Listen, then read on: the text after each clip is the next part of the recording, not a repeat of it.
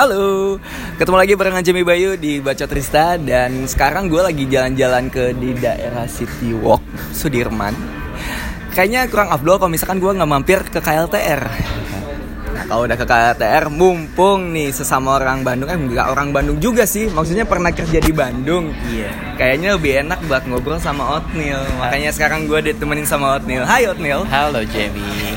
Apa kabar? baik baik. Baik nih, Baik. aman ya? Aman, ada- aman, semalam aman. Aw- ada eh, acara Iya meskipun malamnya panjang tapi aman. Aman ya Eh, 100% udah gak ada basian. Wah. Gokil loh, kemarinnya seneng-seneng sekarang langsung kerja lagi dari pagi Yoi. Terbaik emang Yoi. oh, Nil, lu tuh sebenarnya asli Bandung apa? Eh, Jakarta? Gue tuh asli Jakarta. Oh, Jadi orang-orang tuh semua nangkepnya gue Iya, orang Bandung. termasuk gua. Gue tuh sebenarnya orang Jakarta. Gue born and raised di Jakarta. Uh. Eh, cuman gue pindah ke Bandung itu pas lagi kuliah.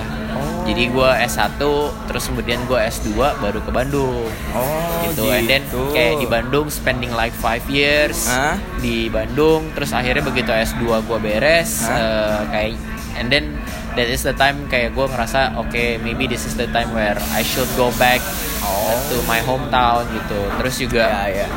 eh, keluarga semua kan masih di sini kan Hmm. gitu and then gue jadi lebih eh, harus menghadapi po- posisi yang oke lah eh, take another step gitu. Oke. take another challenge gitu. Iya, iya, jadi udah cukup untuk diam di Bandungnya. Sekarang balik lagi ke ibu kota. Betul. Nah, sekarang ngomongin soal Pertama kali lu terjun ke industri kopi.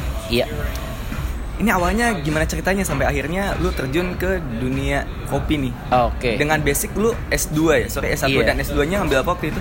gue ngambil hubungan internasional Dua-duanya? dua-duanya Oh, oke. oke Lanjut. eh, jadi awalnya terjun ke kopi itu eh, this is the fun part sih gue tuh used to hate coffee that much Seriusan? karena eh, menurut gue back then coffee itu eh, is all bitter and then it's not too exciting gitu dan dan Oke. jadi pada masanya ketika semua orang lagi pada hits eh, nongkrong di coffee shop thank you Eh, nongkrong-nongkrong di coffee shop gue tuh yang kayak eh, oke yuk nongkrong coffee shop but Hmm. gue nggak mau order kopi gitu Oh, cuman oke.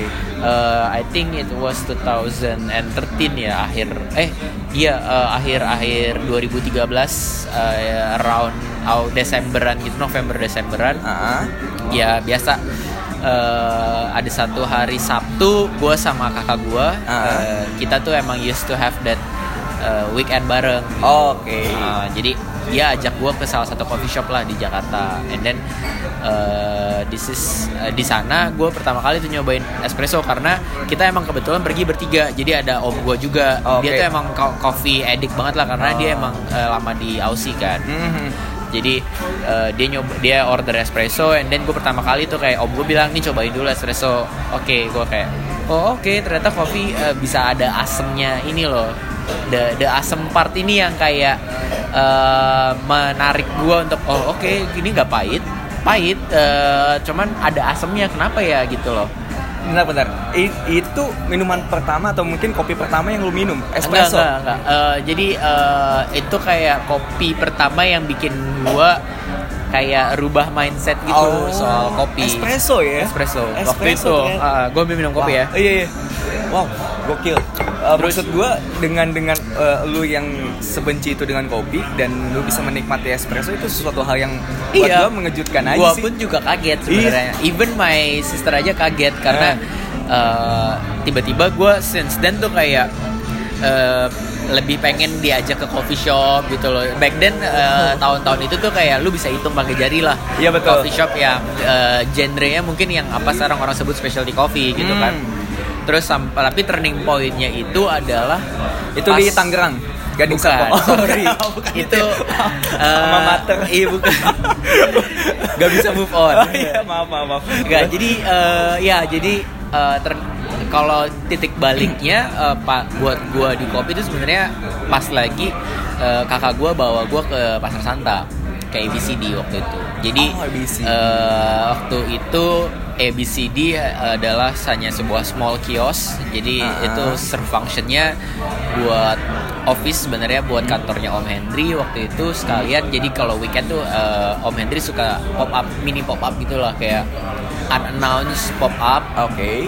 eh, yang Om Hendry kan ya waktu itu kayak bawain beans beans dari luar tuh. Hmm. Back then lu mau dapetin kopi dari roaster luar tuh itu kayak luxury thing. Sekarang kan lu bisa kayak Di mana pun eh, ada di mana pun gitu. ada kan. Iya, And then lu kirim ke Indonesia udah gampang dan Iya. lain. Nah terus jadi kayak abis itu kakak gue bawa gue ke ABCD. Ah. Waktu itu kebetulan Om Hendry yang nggak ada tapi gue ketemu sama partnernya Om Hendry, Ah. partner eh, V sama waktu itu ada salah satu senior perkopian gue lah namanya Kak Cecil. Oke. Uh, jadi kayak di sana dia bikinin gue espresso. Espresso lagi. gue yang masih ingat espresso pakai Porlex ngegrind ngegrindnya Pakai Porlex. pakai Porlex. Waktu itu uh, IK43 was not a thing. Iya. Uh, terus 2013 ya. 2013 akhir. Oke. Uh, terus gue nyobain nih espresso Cecil bikinin Uh. uh, pakai Porlex. Gue inget pakai mesinnya masih pakai roketnya Om Hendry. Oke. Yang uh, kalau lu bikin espresso sambil nge-steam tuh Eh. uh, lemes Iya. pompanya. Uh, Gak kuat. Iya. Habis itu akhirnya cobain pertama kali gue nyobain espresso yang bener kayak oh ini kalau tadi kan asem ya kan Hmm. ini ini pertama kali espresso yang bisa bikin gue oh ini manis ya espressonya kayak ada waktu itu gue nanya ini kok manis ya habis itu gue inget banget Cecil ngomong iya manisnya kayak gula Jawa kata Cecil gue kayak oh bener juga ya kayak gula Jawa nah since then tuh kayak every weekend eh, ada kakak gue or not gue always eh, Ke pasar Santa, Pasar ke Santa, ABCD. ABCD habis itu eh itu kan espresso tuh. Iya. tapi yang bikin gua ke filter coffee atau brew lah ibaratnya hand brew gitu ya gue di serving sama Om Hendry waktu itu. Gue inget banget eh, kopi bilang nih cobain aja tapi saya bikinnya rada salah ya kata Om Oke. Hendry Eh, soalnya saya lupa nya eh, ini udah berapa lama gitu soalnya waktu itu gue inget masa cold brew deh Oke. terus gue kayak pas nyobain oh eh, ternyata ini kopi gue bisa kayak buah-buahan banget nah di situlah gue kayak ini nih yang bikin gue pengen belajar soal filter manual brew gitu. Oh. jadi di situlah awal-awalnya habis itu kelas di ABCD batch pertamanya mereka habis itu balik Bandung kuliah kan Hah? karena kelasnya ABCD tuh pas lagi libur kuliah jadi kayak ngisi ngisi waktu kosongnya tiga Jadi bulan 2013 tuh lu udah kuliah sebenarnya di udah Bandung. udah baru kuliah Oke. itu kayak gue udah semester 2 Udah semester dua. zaman zamannya lu lagi masih aktif di kampus kan sebenarnya, Ah, eh, organisasi Oke. terus abis beres kuliah eh, Om Hendry eh, nitipin eh, ibaratnya nitipin sebenarnya jadi dia Hmm. nanya ke gue kayak saya ada temen nih di Bandung Ah, eh, punya coffee shop Ah. mau nggak magang di situ biar ilmunya kepake ilmu dari kelasnya Om Hendry Eh, dan kebetulan coffee shop itu adalah Twensful Oh. Uh, jadi Om Hendry kenal sama ownernya langsung sama Ah, Stefan. oke. Terus gue uh, di hook up lah ibaratnya Om Hendry ini kayak biro jodohnya gitu. di hook up, hop, nah, ketemu. Comblang ya? Iya, abis itu kayak ngobrol-ngobrol, interview sama Stefan sama partner Stefan. Oke, part time. Oke. Back then motivasinya adalah untuk mendapatkan uang lebih. Oh, uang lebih. Ya, Iya, karena iya. kan uh, lu anak kosan di Iya Jakarta, sih. and then uang jajan uh, ngepas lebih dikit, uh, terus kayaknya kayaknya nggak akan sakit deh kalau lu kayak kayak korbanin mungkin tiga kali seminggu untuk Iya sih. kerja 8 jam, Betul. 8 9 jam kerja shift.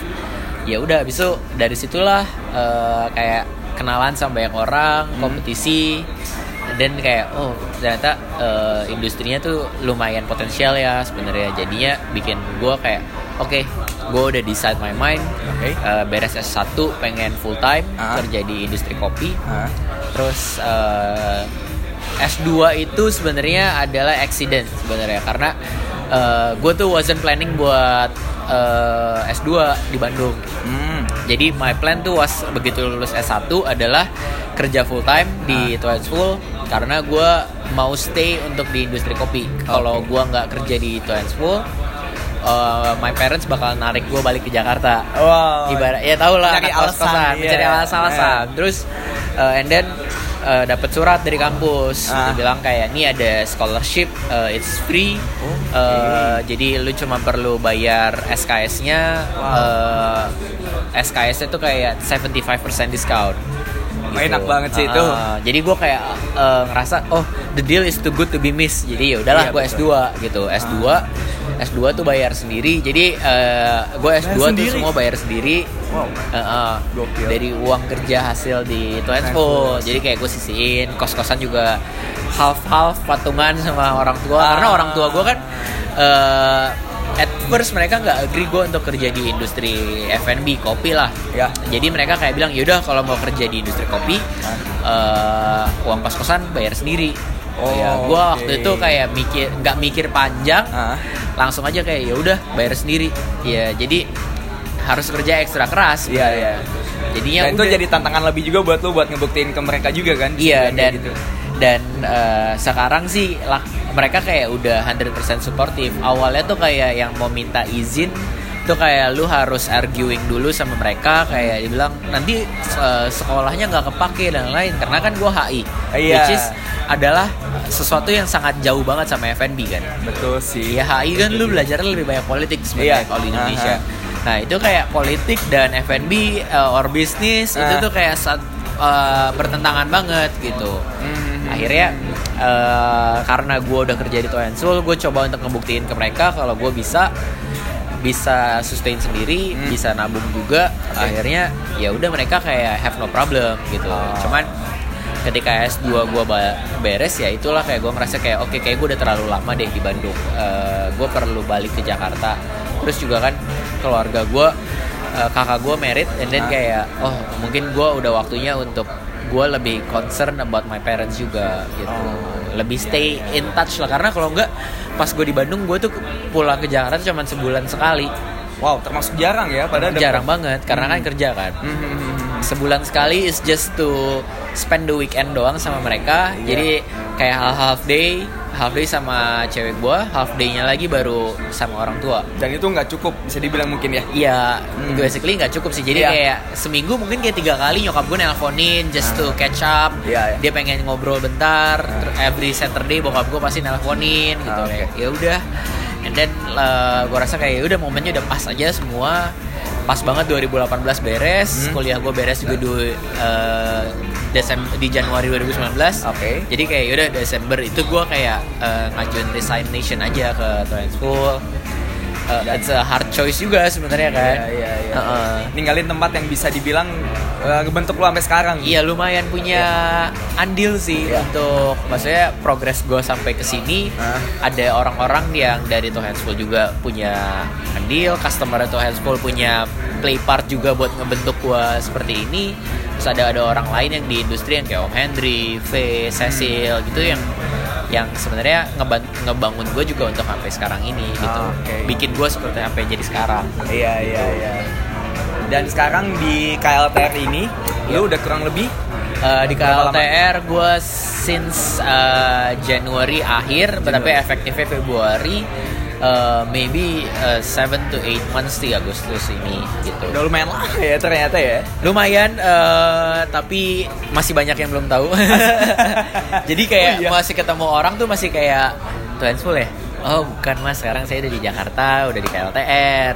Iya, iya, iya, iya. Uh, jadi eh, sekarang udah kalau dulu kan terkenalnya sebagai uh, ngerosting buat Transfull kan. Hmm. Sekarang lebih bisa kayak ya now gue nge-handle a roastery uh, ya, which is KLTR punya roastery. Oke. Uh, gue nge-handle mereka punya uh, roasting Ah. terus pokoknya all the coffee related lah. Oke, Mulai dari roasting, QC, daily on the bar Hmm. itu gue dipercayakan untuk nge-handle itu gitu. Wow, nice. Ya. Nah, em, berarti kurang lebih di Two Hands 10 3 tahun. Five actually. Oh, five. Iya. Wow. Dari Wow, cukup lama. 2014 eh, 2014 sampai 2018 akhir lah. Iya, iya. itu iya. ibaratnya kayak ya mungkin four and uh, a half year sih empat setengah tahun. Oke, sekarang em, kita ngomongin hal yang lainnya yaitu kompetisi. Oke. Dimulai dari mungkin tahun 2015 di mana lu Cup Tasters. iya, betul Iya. sekali. Betul. Nah, itu gimana ceritanya sampai akhirnya dari Cup Taster akhirnya lu terjun ke Brewers Oke. eh, dan sampai jadi coach akhirnya sekarang. Eh, iya. Jadi kalau Cup Tasters, Cup Taster tuh eh, accident juga sih sebenarnya buat gua. Banyak kecelakaan ya Anda ya. Iya, jadi As- good accident. Jadi Cup Tasters tuh sebenarnya eh, pas 2015 itu gue baru kerja di coffee like 4 month 4 bulan terus ada announcement Cup Taster sama latte art kompetisi Oke. Terus eh, waktu itu mantan bos gue Stefan Hah? waktu itu kayak bilang cobain aja kompet- eh, Cup Tasters Ah. didaftarin lah sama dia. Gue kayak I have no idea apa tuh Cup Tasters dia kayak ngejelasin eh, latihan. And luckily ya eh, dapet tuh peringkat satu. J- dapat bawa pulang trofi. Wow, Iya iya. Uh, uh, terus uh, pergilah ke World. Di World ngeliat kompetisi Brewers uh, and then uh, ketemu teman-teman juga yang kompet di Brewers Uh, dan gue kayak realize kayak buat buat gue doing uh, the barista tuh uh, is apa ya something that I cannot do right now Oh, yet oke. gitu loh Iya, jadi iya. buat gue bikin cappuccino Ah. and then uh, espresso Hmm. gitu eh, waktu itu gue mikir kayak gue aja sebenarnya minum cappuccino tuh nggak terlalu enjoy eh minum espresso sorry Ya. nggak terlalu menikmati segimana banget Mhm. tapi it really different kalau gue kayak bikin filter coffee Itu waktu semenjak lu udah turun ke THF ini. Oh, ya iya, pas iya. gue udah menang Cup Tasters jadi setelah balik dari work di, Iya, di iya. Eropa kan juga lebih banyak minum manual brew Ah. gitu kan Eh, karena eh, di Eropa itu minum bukan manual brew eh, batch brew is Ah. cheaper than drinking eh, cappuccino jadi kayak eh, oh enak juga ya minum filter gitu Iya iya iya iya. jadinya pas lagi tahu 2016 mau ada Brewers langsung kayak oke gue mau ikut Brewers ah terus and then juga waktu itu kayak gue tuh eh, banyak lihat rutin-rutinnya dari WBC yang menurut gue kayak strong banget nih waktu itu kan eh, back then highlight itu Matt Perger Ah. Matt Perger with the EK and then Ah. cara dia bikin presentation Iya. dan lain-lain gue kayak oke eh, kayaknya gue pengen eh, Brewers deh gitu Go, eh, selain pengen menang waktu itu emang goalsnya kayak ini yang sampai sekarang juga masih ketanam sama gue sih jadi kayak gue selalu pengen compete Brewers eh, dengan gue membawa sesuatu yang bisa di applicable ke industri sebenarnya Oh begitu. jadi gue nggak mau kayak cuman compete eh, nggak punya eh, strong research kayak harus ngapain atau nggak ada konsep lah kasarnya Iya. cuman for the sake of eh, ngebrew eh, win gitu gue nggak Iya, mau iya. jadi kalau lu- kalau lu ngeliat eh, trace record eh, kompetisi gue pasti semua tuh ada satu konsep yang gue bawa Iya sebenarnya. iya. Termasuk terakhir yang lu pakai Nitro Flash. Nitro Flash. Iya iya iya. Iya, jadi 2016 pas pertama kali kompetisi Brewers tuh eh gue pas lagi re- kan itu kan udah pertama kali tuh bikin regional regionalan Ah, kan. ah. Oh no no, eh, buat Brewers eh, langsung dibikin regional tapi dulu sebelumnya barista tuh udah diregionalin. Oke. Uh, uh, jadi regional barat sama timur waktu Hmm. itu. Barat gue pas lagi eh, regional gue tuh ngomongin eh, brew ratio sebenarnya. Oke. Iya, itu topik yang lu bawa. Topik yang bawa karena back then gue kayak ngeliat uh, masih baik banget nih orang kayak ngebrew tuh satu banding 10 atau banding 11 uh, which is menurut gue sebenarnya uh, back then tuh kayak bisa dieksplor lebih kayak why don't you try buat pull dia sampai satu banding 17 jadi kayak Oke. uh, makanya dulu kalau lihat uh, presentation gue back then tuh isinya kayak ngomongin tentang TDS, extraction, Mhm. gitu-gitu kan. Sampai gue bikin info cardnya, Oke. ada chartnya gitulah. Uh, Wow. Jadi kayak ada konsepnya. Dan Iya, iya. pas uh, regionalnya itu, pas nationalnya itu ngomongin soal uh, sustainability sebenarnya. Sustainability. Ya, which is sebenarnya uh, bukan sesuatu yang untuk dipakai di Brewers karena it's not Hmm. related to the competition. Terus 2017 compete lagi regional gue pakai unique variety. Sekarang sih lu mungkin udah, udah sering dengar uh, wush wush. Wush wush. Iya, Ah, iya, pasti iya. sekarang udah sering dengar kan, iya. karena udah banyak banget beans beredar. Hmm. Tapi back then itu kayak cuma ada satu kebun doang yang provide wush wush. Terus gue kayak dap, uh, punya uh, connectionnya, Aha. akhirnya dapet pakai wush wush buat regional. Terus uh, nationalnya juga pakai uh, unique variety juga nama variety-nya tuh Ilobabor Forest dari Geisha Village. Sekarang kan Geisha Village lu udah sering dengar Iya, kan? pasti. Back then uh, itu it was only me yang pakai the Geisha Village. Waktu itu. Waktu itu, Ah, uh, oke. waktu itu tuh dapat beansnya dari temen juga dari Norway dikirim uh, kita beli dari mereka. The power of connection ya. Ya, uh, the power of nggak tahu malu sebenarnya. itu ngaruh juga sih. Eh, bener. jadi kayak eh, buat dapet beans itu gue kayak eh, cari Rama Roaster siapa di Facebook lo add dia di Facebook and then lu chat mereka kayak gue mau compete. Ah. do you have any interesting coffee? Terus jadi ngobrol-ngobrol-ngobrol. Akhirnya kayak nih we have this uh, fresh crop uh, geisha village kata dia. Oke. maybe uh, this coffee belum pernah dirilis uh, the whole worldwide. Aha. jadi kayak "Me- you can be the first one yang pakai gitu kata Oke, dia bisa dikatakan di tahun itu lu pakai eh, dua varietas yang eh, varietas yang belum pernah dipakai sama sekali di belum iya belum belum muncul ke Belum muncul, lah betul. karena masih masih jarang banget kedengeran Iya, iya. Itu bisa dikatakan tricky nggak sih? Bisa iya, bisa sa- risknya sih tinggi banget tinggi banget nggak sih? Ya kan? tinggi banget kayak wush wush eh, itu eh, is a coffee yang kalau misalnya lu roaster bilang susah di roasting ya itu susah di roasting Eh, jadi kita juga kayak trial and error wasting a lot of coffee juga buat nyari profilnya dan Wow. emang kita kayak eh, belum nemu yang dia yang kayak Optimal. shining banget gitu loh Ah. kopinya sedangkan eh, kalau gue pernah nyoba yang versi yang the roastnya proper dari roaster luar and it was really good gitu Oke. Jadi emang emang tricky gitu terus yang Hmm. Ilobabor Forest yang buat kopi nasionalnya itu sendiri kan kayak baru nyampe di Indonesia tuh kayak dua hari sebelum open service gua jadi gua I have no time buat practice Ah, itu gue sempet denger tuh sentingan-sentingan kayak gitu tuh. Iya. Iya si Oatmeal jeansnya tuh baru dateng dua hari sebelum jadi itu jadi sempet gua explore gak sempat gitu ya. explore Nah. and then uh, lu mau bikin script juga uh, susah banget karena lu harus ngelosin banyak part kan Iya, jadi iya. lu mau practice tapi part ini ini ini ininya nggak bisa keisi karena lu nggak punya kontennya nggak punya materinya. Betul betul. Jadi lu mau dap mau ngolek resipinya mau ngolek airnya mau ngolek uh, tekniknya juga nggak bisa karena lu nggak punya kopinya Iya gitu kan. iya iya iya. risknya tinggi banget and gue sih nggak nyeselin itu eh, it- it- Hmm. karena itu ngajarin gue something buat uh, competition gitu Oh, oke. dan sampai akhirnya 2018 kan ya, 2018. kompetisi terakhir gue uh, pakai Nitro Flash Pakai jadi Nitro Flash.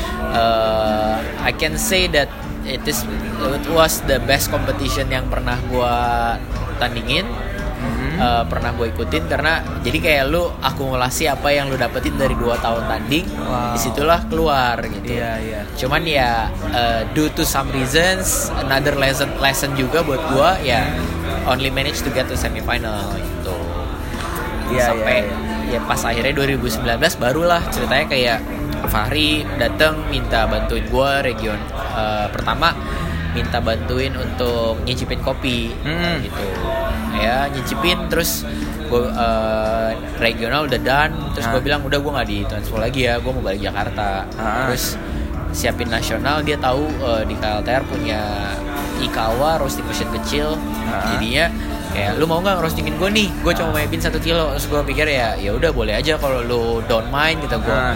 kan gue maksudnya back then juga untested juga kan Iya. ibaratnya kayak gue nggak pernah nge-roasting yang gue dilepas sendiri eh, gue nggak ada yang nge-guide. Hmm. jadi beneran gue harus explore sendirian semuanya. Ya udah eh, roasting roasting roasting eh luckily ya Fahri menang gitu. Jadi gue cuman oke. kayak ya gue bantu dikit-dikit aja lah. Ternyata udah dari regional ya, lu ngebantu sebenarnya udah dari regional. Udah dari regional. ada beberapa kompetitor sih. Ada beberapa Ya, kompetitor. regional tuh ada tiga I think. Ada tiga. Uh, Wow. tiga terus eh, national Cukup banyak nggak sih untuk ukuran coach? lumayan Lumayan banyak ya? lumayan Iya, iya. Eh, di national gue Brewers ngebantuin eh, tiga juga Tiga juga, Eh, oke.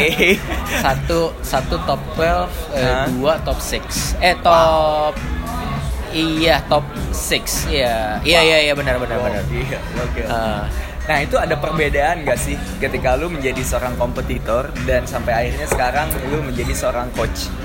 ada sangat eh, kalau lu karena gue pernah jadi kompetitor sebelumnya Ah, gue tahu eh, apa yang gue harus lakukan dan apa yang gue tidak boleh lakukan Hmm. sebenarnya kan karena lu udah ngerasain nih kayak pressure-nya di belakang tuh seperti apa Ah. and then how do you should work with the competitors gitu Ya. kan jadi it really helps karena eh, lu udah punya latar belakangnya dulu Iya, jadi dia. kalau mau mau mau ke depannya mau jalan tuh lebih gampang lagi pula dengan empat tahun lu turun kompetisi itu udah cukup lah. lumayan cukup Untuk tahu Lumayan medan cukup. perang kayak Betul, gimana. betul.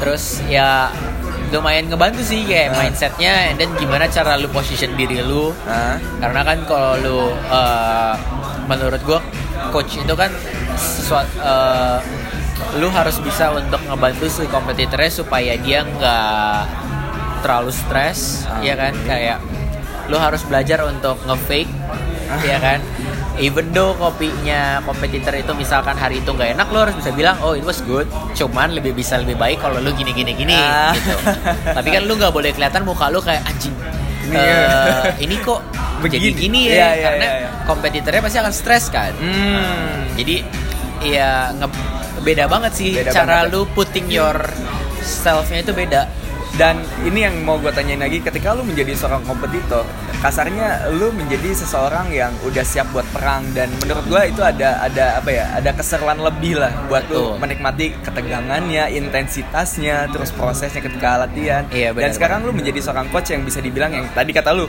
fake mungkin dan lebih wise mungkin Iya. dan bahkan mungkin bisa menenangkan. betul dan actually sebenarnya jadi coach lu lu lebih tegang karena uh, their life depends on you sebenarnya Ah. ketika mereka really butuh your second opinion jadi Ah. uh, ketika lu compete uh, kompetitor pasti akan reaching satu time ketika mereka uh, hitting the ce- ceiling gitu ibaratnya mentok Ah, ah. and then lu harus uh, call bisa make decision lu Ah. harus call dia kayak uh, lu harus gini ambil decision ini nah itu Hmm. tuh something yang sebenarnya tegang banget dan Iya, itu really uh, punya beban yang cukup berat karena kalau misalnya lu make the wrong decision ya kompetitornya akan gagal gara-gara lu gitu wow. Iya. Uh, iya. bukan bukan fully gara-gara lu, but Hmm. uh, part of it adalah gara-gara lu juga. Gitu. Iya sih Misalnya betul. kan. Karena kan yang lu bilang si kompetitor menggantungkan semuanya. Heeh. Jadi Ke coach. that's why uh, harus bisa positioning diri ini diri lu juga nih kayak sewise mungkin, senetral mungkin, Ah. seobjektif mungkin Ah, Oke. ke ke Amy Amy pengen apa gitu. Ah. Itu yang paling paling challenging buat jadi coach sebenarnya. Iya, iya, Gitu. Nah, pertanyaan selanjutnya nih. Yuk. Jadi untuk tahun ini lu memutuskan untuk tetap menjadi coach atau kembali menjadi kompetitor?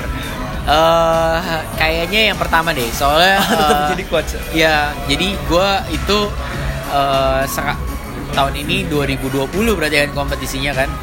Oh iya, Iya, ah. 2020 Ah. gue emang udah deciding nggak mau kompet dulu. Ah. Eh gue masih banyak PR yang harus diberesin. Oh, oke. eh, roastery juga menurut gue it's too early buat yang kayak ditinggalin. Ah, Sekarang kan roastery gue masih semua all ma- eh, sendirian. Mhm. Mulai dari nimbang-nimbang, packing, roasting tuh masih semua masih gue sendiri. Gokil. Ya, cuman untung ada bantuan dari tim tim admin back office gue yang Ah. bisa bantuin untuk kirim-kirim. Jadi Oke. maksudnya kayak you know uh, packing dalam dia ke dalam amplop, ke dalam Ah. ke JNE-nya Iya, itu iya, kayak iya. mereka bisa koordinasiin. bisa handle lah ya. Iya, jadi karena gue ngerasa kayak uh, kerjaan gue, responsibility gue belum ngeberes, Hmm. and then kayak udahlah jangan compete dulu gitu. Oh, Maybe akan bantuin beberapa kompetitor gitu. gue sih open banget gitu. Hmm. As, as long uh, kerja sama sama kompetitor bisa enak. Oke, gitu. ya ya. Gitu ya, sih. ya. Dan sekarang kira-kira udah ada pengajuan Uh, untuk lu menjadi coach siapa gitu? Belum ada. belum ada. Belum ada yang pitching nih, belum ada, belum ada. Belum belum. Oke, Karena belum. balik lagi gue gue sih kalau coaching itu lebih kepada chemistry-nya sih karena you Chemistry-nya. have to trust each other. Oh iya betul. Karena kalau misalnya kayak gue jadi coach and then gue nggak percaya sama kompetitornya Oh. itu juga susah. Iya betul sih. Kayak uh, somehow itu nggak nggak nggak ngedrives lu gitu loh, nggak Ah. ngedrives lu buat jadi uh, untuk work hard, untuk hustle hard buat kompetisi. Tapi kalau kompetitornya juga nggak percaya sama lu, ya lu akan clash terus Iya, karena betul. lu akan akan akan punya opini yang berbeda-beda. Iya, iya. Lu akan tabrakan terus nih ibaratnya. Betul betul betul. Gitu, jadi- setiap statement yang lu kasih pasti dipatahin sama dia. Betul, karena dia punya ego sendiri dan Ya. coach punya ego sendiri. Iya betul. Nah kayak gue bilang kayak ya, it- yang paling susah adalah nemuin uh, chemistry-nya itu Ah, ah, ah. Gitu sih. Iya ya. Nah pertanyaan terakhir untuk sesi yang pertama, Yuk. Em, dengan pengalaman sekian tahun menjadi barista dan juga kerja di industri kopi, Iya. satu pertanyaan gue, menurut tuh untuk sekarang apa hal yang diperlukan oleh seorang barista?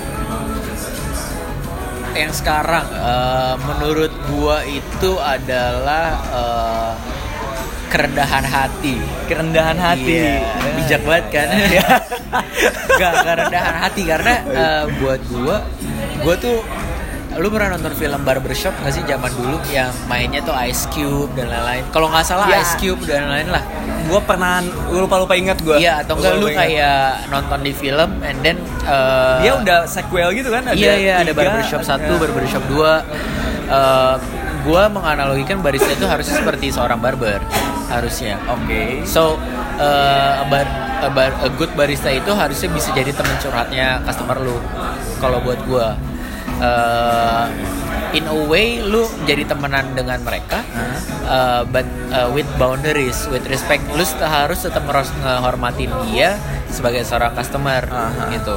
Even though uh, maybe lu akan one someday lu akan ketemu sama customer yang what you call nowadays nowadays tuh pendekar. Oke. Ya, tapi lu harus with the humbleness uh, untuk bisa uh, menjelaskan kepada mereka juga. Bukannya lu ngegas balik. Kan biasa kan ada mungkin ada beberapa orang yang pride-nya besar ketika lu uh, ada orang yang sebenarnya mau geek banget about the coffee tapi karena uh, angle cara masuk diskusinya salah lu jadi offended. Jadi Oke. sedangkan menurut gua eh, harusnya kita tetap rendah hati untuk berani kayak bilang eh, kayak apa ya kayak lu bikin healthy discussion gitu. Di sini eh, banyak maksudnya kayak ada beberapa misalnya kalau let's say biasanya kan pendekar tuh yang the words pendekar tuh related tuh orang-orang yang suka manual brew kan. Oh iya betul. Banyaknya kan? Iya iya banyak yang sana. Banyak kayak yang bilang kayak gue mau manual brew gue eh, oh, satu banding 10 misalnya. ah iya. They are your customer. You have to make uh, their orders. Iya, betul Cuman sih. kalau uh, lu punya good gesture lu you know how to deal with them lu akan bikinin the other one. Ah. and then gue yakin pasti your company itu uh, your boss boss akan akan Mempersilahkan. mem- mempersilahkan. ini. Karena this is a good gesture. Lu bikinin satu lagi yang emang supposed to be misalnya lu udah punya resipi kayak satu banding 15 Iya, iya. lu bikin uh, ini ke mereka bikinin yang the real one sama yang their order Iya. supaya mereka tuh juga dapat ibaratnya comparison pembandingan and then kayak lu bisa jelasin ke mereka kan why why you do one banding 15 satu banding 15 Hmm. but in a humble way ya nggak nggak yang kayak lu nerd banget and then bilang kayak setuju. "Eh, nggak eh, gua cuma do 115 karena menurut gua 115 is the best ratio in the world Eh, kayak itu lu nggak kita nggak bisa kayak gitu betul betul gitu betul.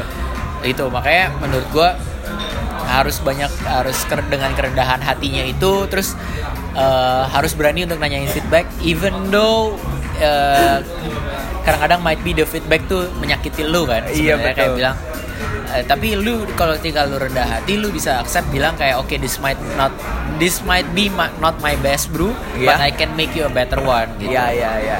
Dan ini nggak tahu kenapa ya. Mungkin kesalahan ketika eh, lu ngebrew atau bikin kopi itu bisa sedikit termaafkan ketika lu nih ya feedback. Iya, ketika lu berani me- mengakui kalau this Iya. is your bad brew, Iya, iya. you can make the better one. Ah. Customer tuh kayak, oh iya, oh oke, uh, I forgive you gitu. Nah, kalau gue jadi customer sih gue akan kayak, oh oke lu putting attention ya berarti Hmm. kalau misalnya emang kopi lu nggak on point. Nah, gitu. setuju, Karena kalau lu nggak punya rendah hati lu akan denial, lu akan bilang kopi gue uh, udah paling enak sih. Iya betul. Uh, Itu customernya aja yang aneh. Iya. Sedangkan di sini eh, kita nggak bisa kayak gitu sih Hmm. sebagai seorang barista. That's why gue menganalogikan sebenarnya kayak lu eh, barber gitu. Lu customer lu datang kenal lu personally, and then lu tahu eh, dia siapa, lu Ah. tahu maunya dia apa. Iya iya. And then uh, lu bisa cater their needs gitu. Hmm. For example, gue punya customer yang sangat anti natural coffee. Oh, Di sini datang uh, dari Bandung juga. Hmm. Uh, dia datang, uh, Nil gue mau filter dong. Hmm. Gue still offer mereka. That's my uh, responsibility uh, uh, task gitu. Ah. Job job gue untuk nawarin. Tapi gue gue akan bilang, tapi gue punya kopi natural nih. Uh, gue bikinin. Uh, dia bilang yaudahlah lu pilihin aja. Biasanya dia gitu kan. Hmm. Karena udah trust ya lu akan pilihinnya eh, yang gak natural dong Iya, betul. karena lu tahu dia sukanya seperti apa Ah. unless dia bilang kayak ah gue pengen coba deh hari ini gue pengen coba natural nah lu make the best version of the natural Ah. supaya mereka eh, jadi oh mindset ternyata natural tuh bisa juga enak gitu Iya iya iya iya. iya. harusnya sih gitu sih Betul betul betul betul. Terus- ternyata setiap orang tuh nggak suka kopi A itu bukan karena dia nggak suka tapi belum pernah dapet enaknya betul mungkin ya. maybe kalau Ya, gue sih merasa seperti itu Mhm. terus kayak eh, kalau menurut gue inter apa personal relation sama customer tuh very important kalau gue always try to kalau bisa tahu sekenal sekenal mungkin sama customer gue jadi kayak even though nanti gue lagi nggak on my job eh, hour on my working hour kita masih bisa hangout kayak ngebir or Ah, maybe setuju, eh, setuju. cari makanan Iya. gitu kan karena eh, lu kenalan sama mereka gitu Betul, betul. and you don't know maksudnya kayak in the future mereka akan maybe jadi investor lu itu atau jadi dia. partner bisnis lu kan Itu dia, itu dia. Setuju setuju. Wow. Menarik sekali. iya Oke oke oke siap. Kalau gitu, udah untuk sesi pertama kali ya. Ntar Siap. kita lanjut ke sesi selanjutnya. Jadi jangan ke mana-mana, tetap dibaca Trista.